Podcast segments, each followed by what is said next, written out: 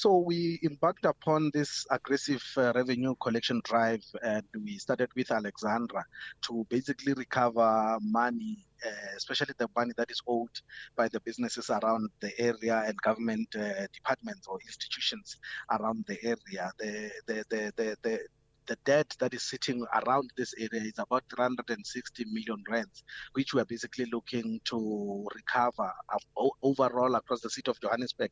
We are owed about 4 billion rands uh, by the residents, and this is the money that we really need to to to get because of the pressures that we also find ourselves in as the city of Johannesburg. You know our financial situation, but also as city power, especially during this time when we are grappling with uh, higher stages of load shedding, uh, which really is uh, impacting our our operations heavily um, with cable thefts and with um, uh, uh, equipment that it needs to be replaced now and then due to the on and offs that it is not able to bear. So we we are really uh, uh, doing this to ensure that we can recover all this revenue that is owed, especially by the businesses which we believe have got money that they can really uh, assist the city in terms of paying their services.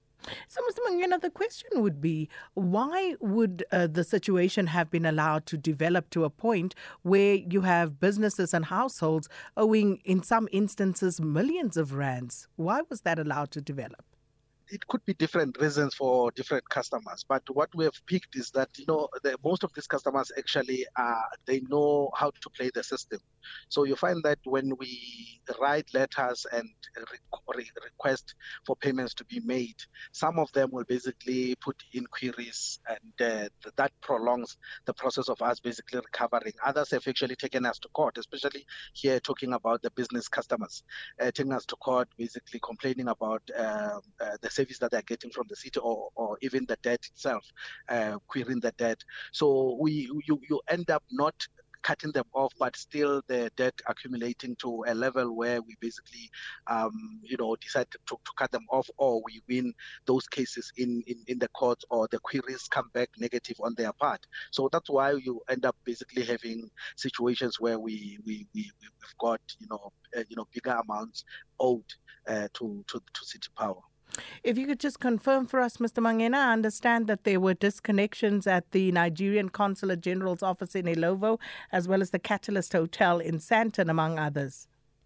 Yes, as, as I'm talking to you now, we, we are st- still in the Sandton Ilovo area where we started with the disconnection of the Nigerian Consulate General.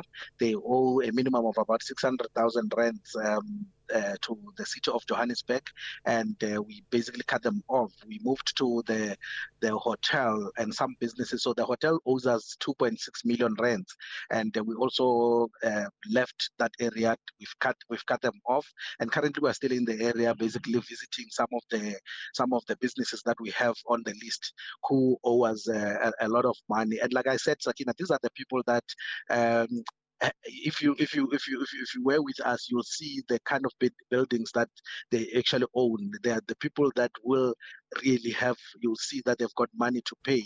And from the experience that we had uh, yesterday with with the disconnections we made around Q and Wynberg area, most of those businesses actually paid us on the spot as we knocked on the doors. Um, uh, Central Johannesburg College paid almost nine, uh, one million rent right on the spot, just just as we were knocking at the at the door. So it shows that these people basically have money to pay for the services, but they really just sitting on top of it, uh, waiting to see whether the city will will come for it or not. And that's what we're going to to do. But what we're also going to do is to basically ensure that there are penalties for the reconnection that we will give them after they made either made arrangement or they paid up the, the, the debt. So the message to others is that please come to City Power before City Power comes to you. Mr. Isaac Mangena, thanks so much for that update. City Power spokesperson to us there, just confirming some of the businesses uh, that have had their electricity supply cut off. But of course, uh, this operation continues into tomorrow when we'll catch up again.